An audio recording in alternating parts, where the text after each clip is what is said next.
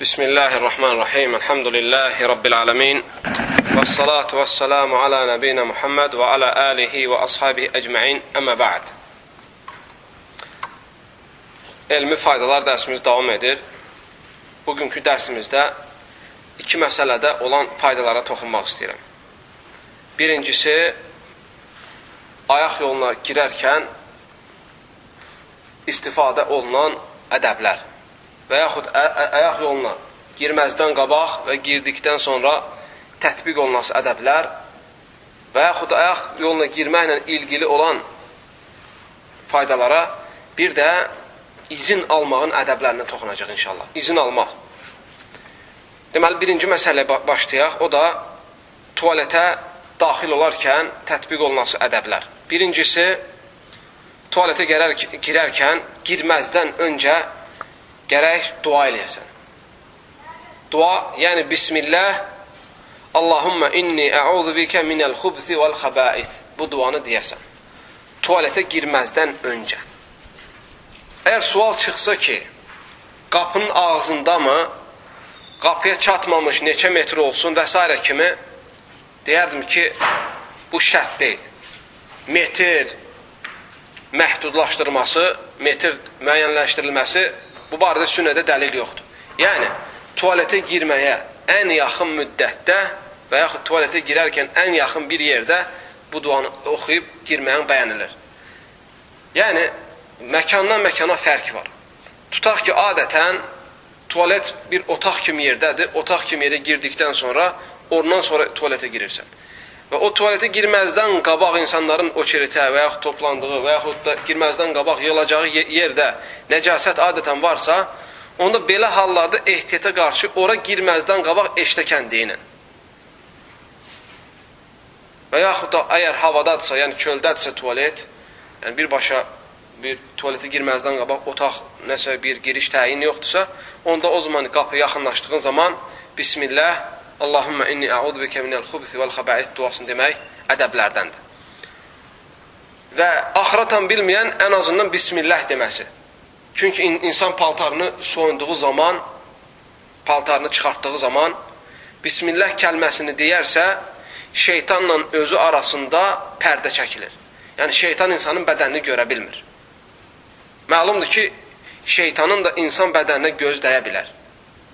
Ona görə bismillah deyib paltarını soyundunsa, istəyirsən evdə ol, istəyirsən başqa yerdə, bismillah demədən soyundunsa, onda sənin bədənini şeytan görür. Amma bismillah dedinsə, onun gözünə pərdə çəkilir, sənin bədənini görmür. Və arxasında olan dua da Allahumma inni a'udhu bika minəl xubsi vəl xəbais. Ey Allahım, dişi və erkək şeytanların şərrindən sana sığınıram. Bu duanı əziz qardaşlarım, ərəbcə deyə bilməsən, ən azından hərə öz dilində deyə bilər. İkinci, tualətin ədəblərindən girdiyin zaman sol ayaqla girmək. Sol ayaqla girmək. Dində belə bir şey var ki, sağ tərəfi həmişə şərəfli və qiymətli və dəyərli yerlərdə işlədirsən. Sağ tərəfi. Sol tərəfi isə təmizlik kimi şeylərdə işlədirsən. Təharət eləyərkən, nə bilim, insan burnunu təmizləyərkən və yaxud da uşağı təmizləyərkən analar və yaxud da haranınsa zibilini təmizləyərkən, umumən belə yerlərdə sol tərəf işlənilir həmişə. Tualetə girdikdə də sünnədə gəlib ki, sol ayağınla girirsən. Və çıxdıqda isə, həmçin faydalarından çıxdıqda isə sağ ayağınla çıxırsan. Və çıxdıqdan sonra da eyni zamanda həmçinin faydalardan duanı unutmursan.Ğufranəkə. Yəni, ey Allahım, sən məni bağışla. Və həmçinin ədəblərdən, əziz qardaşlarım, tualetdə qiblə tərəfə yönəlməmək. Nə ön tərəfdən, nə də arxa tərəfdən. Yəni, ya gün batan tərəfə olmalıdır üzün, ya da gün doğan tərəfə. Nə insan arxa tərəfini çevirmək olmaz qiblə tərəfə, nə də üz tərəfini. Amma adətən, burada bir fayda var. Yəni, adətən burada faydalar var, lakin ən önəmlisi biridir. O da, insan əgər evdə tualet tikdirirsə, tikdirməzdən qabaq lazımdır ki, qiblənin hansı tərəfə olduğunu öyrənsin. Hətta səhv istiqamətə qoymasın. Yanlış istiqamətə qoymasın tualetin yönünü. Və burada bir məsələ var. ümumiyyətlə elm əhli bunu fiqh kitablarında gətirir. O da əgər girdinsə, gördün ki, tualet qiblə tərəfə tikilib və o yönünü də dəyişdirmək mümkün deyil. O zaman nə edirsən? Onda bəzi elm əhli biraz məsələni yüngülləşdirir. Deyir ki, əgər sütrə varsa sənlə qiblənin arasında, onda o zaman o hökm düşür. Yəni, burada elə bir ki, bir otaqla səhranı ayırırlar. Yəni, səhrada oldunsa, qəti şəkildə deyirlər, olmaz. Qiblə tərəfə, nə ön tərəfi, nə arxa tərəfi çevirmək. Səhrada oldunsa. Ya şərq tərəfə tutmalısan, ya da qərb tərəfə üzvü. Yox, əgər bir otaq kimi yerdədirsə tualet, yəni qiblə ilə sənin aranda bir divar, bir mani, bir sütrə varsa, deyirlər, onda o zaman olar.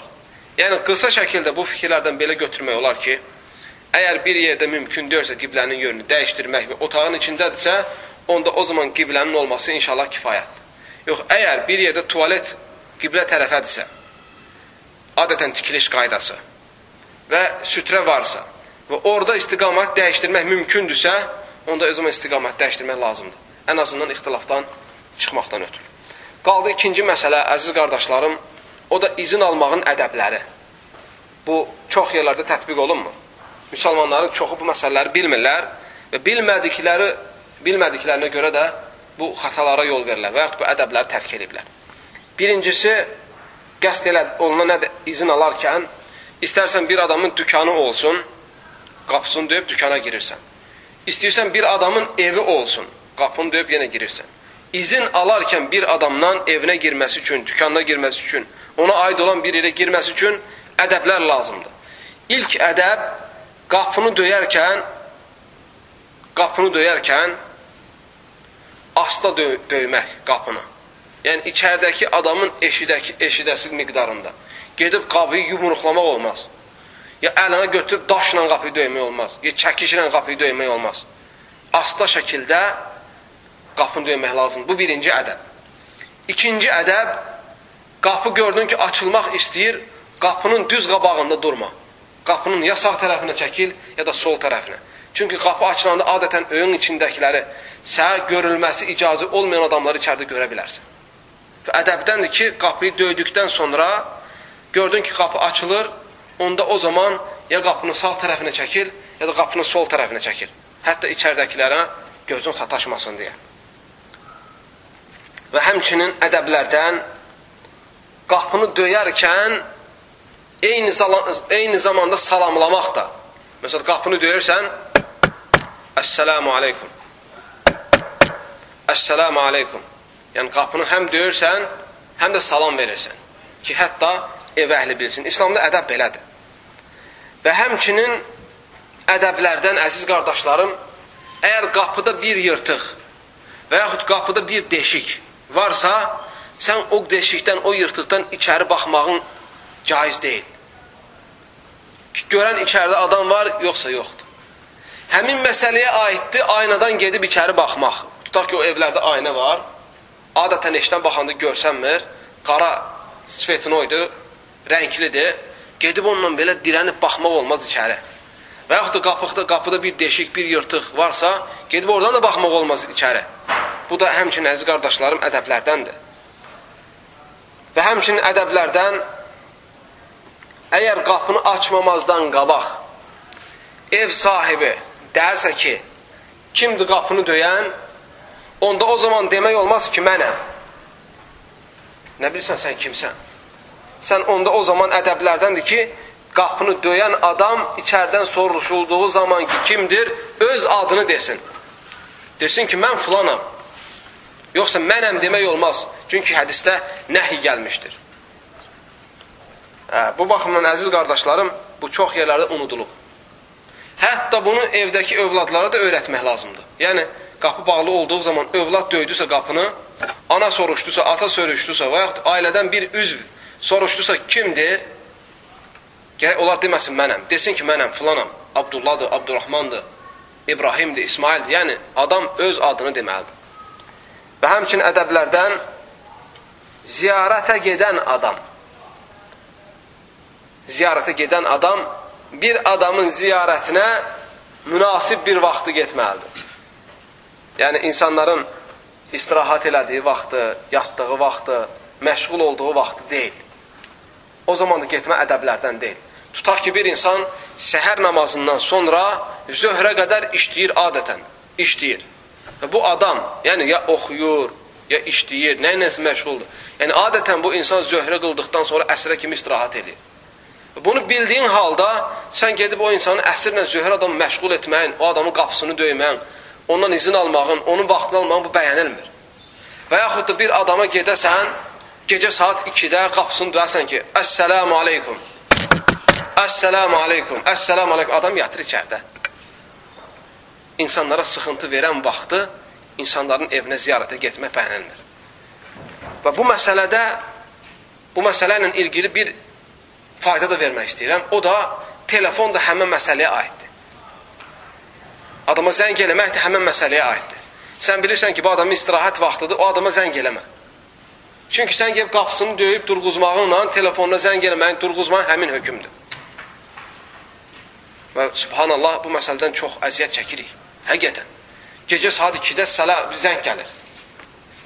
Deyərsən, düşünürsən ki, görəsən, qardaşın bəlkə bir ehtiyacı var, bir nəsə var. Götürürsən, əssəlamu aleykum. Aleykum əssalam. Nə var, nə yox, qardaşım? Heç nə ürəyim səni istədi, dedim, görüm, qardaş nə edir? Qardaş nə edir? Qardaş yatır. Nə edir? Ha, elə belə dedim ki, görəsən, qardaş nə edir?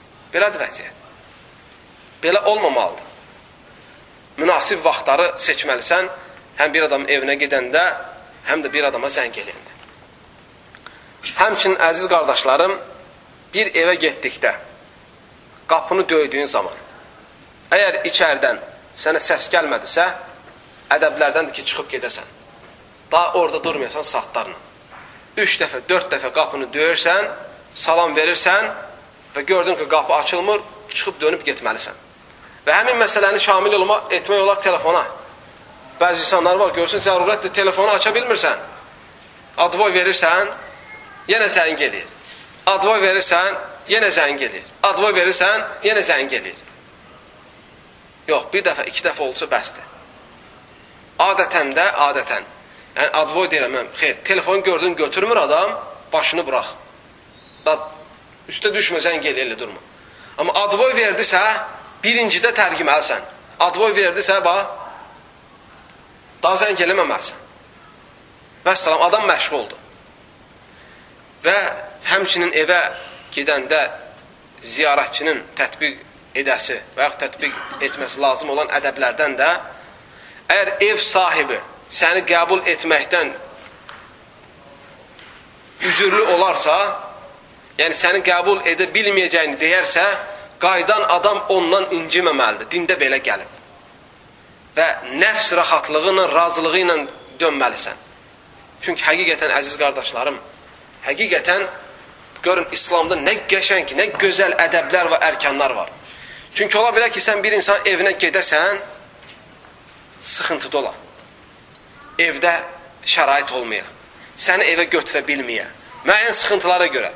Ədəbdəndir ki, o sənə deyərsə ki, qardaşım, məni üzürlü hesab elə, səni evə gətirə bilmirəm və yaxud qapını açmazsa, içərdən deyərsə ki, e, qardaşım, üzürlü hesab elə, qəbul edə bilmirəm, sən gərək inciməyəsən ki, bu məni götürmədi, bu məni saymadı və s. və s. kimi bəhanələr. Şey, xeyr. Həm sən bunu et, münasib olmadığın zaman başqalarına edə bilərsən, həm də başqası sənə bunu etdikdə sən etiraz göstərməməlisən, inciməməlisən.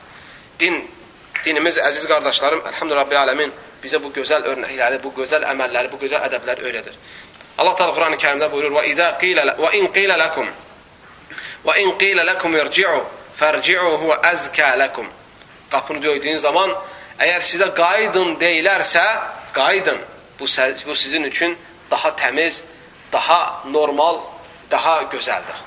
Deməli, belə olduğu zaman gərək müsəlman inciməsin, xətrinə dəyməsin və bunun din, dinin ədəblərinin olduğunu qəbul eləsin.